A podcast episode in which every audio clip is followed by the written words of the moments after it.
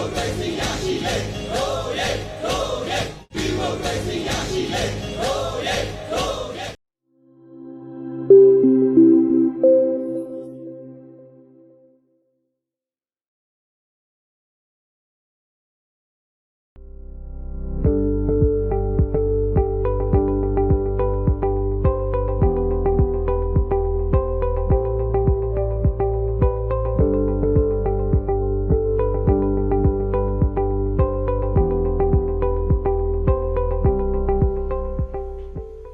အားလုံးမင်္ဂလာပါဖေဗရီလ12ရက်နေ့ဟာပြည်တော်စုနေ့လို့ကျွန်တော်တို့တစ်သက်လုံးမှတ်သားလာခဲ့ပြီမဲ့တကယ်တော့ပြည်တော်စုနေ့အစ်စ်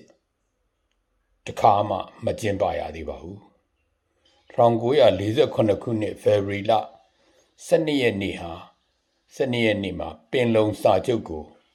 ဗိုလ်ချုပ်အောင်ဆန်းနဲ့တိုင်းရင်းသားခေါင်းဆောင်တွေ ချုပ်ဆိုပြီး Federal Democracy ပြည်ထောင်စုကိုတည်ထောင်ဖို့အတွက်အားလုံးသဘောတူညီခဲ့ကြပေမဲ့တကယ်စစ်မှန်တဲ့တိုင်းရင်းသားအားလုံးရဲ့စန္ဒနဲ့သဘောထားနဲ့ကိုက်ညီတဲ့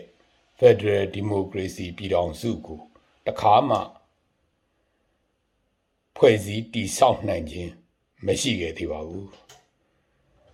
မြန်မာအပါအဝင်တိုင်းရင်းသားအားလုံးစန္ဒနဲ့ညီတဲ့သဘောတူလက်ခံတဲ့ပင်လုံစာချုပ်နဲ့အညီ Federal Democracy ပြည်ထောင်စုကိုတည်ထောင်ကြဖို့အတွက်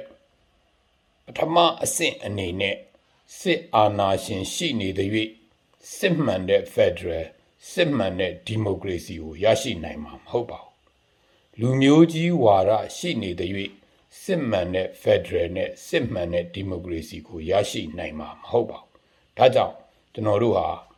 ပထမဦးဆုံးစစ်အာဏာရှင်နဲ့လူမျိုးကြီးဝါဒကိုအမြင့်ပြတ်ဖယ်ရှားခြေမှုန်းပြီးမှသာလျှင် Federal Democracy ပြည်ထောင်စုကိုတည်ထောင်နိုင်ကြမှာဖြစ်ပါတယ်။ဒါကြောင့်ကျွန်တော်တို့တွေအားလုံးပြည်သူအားလုံးတိုင်းရင်းသားအားလုံးကျွန်တော်တို့ရဲ့ စုစည်းညီညွတ်မှုနဲ့စစ်အာဏာရှင်နဲ့လူမျိုးကြီးဝါဒကိုအမြင့်ပြတ်တိုက်ဖြတ်ခြေမှုန်းကြပါစို့လို့ကျွန်တော်အနေနဲ့ဒီနေရာမှာတိုက်တွန်းလိုက်ပါတယ်။ရေးတော့ဘုံအောင်ရမည်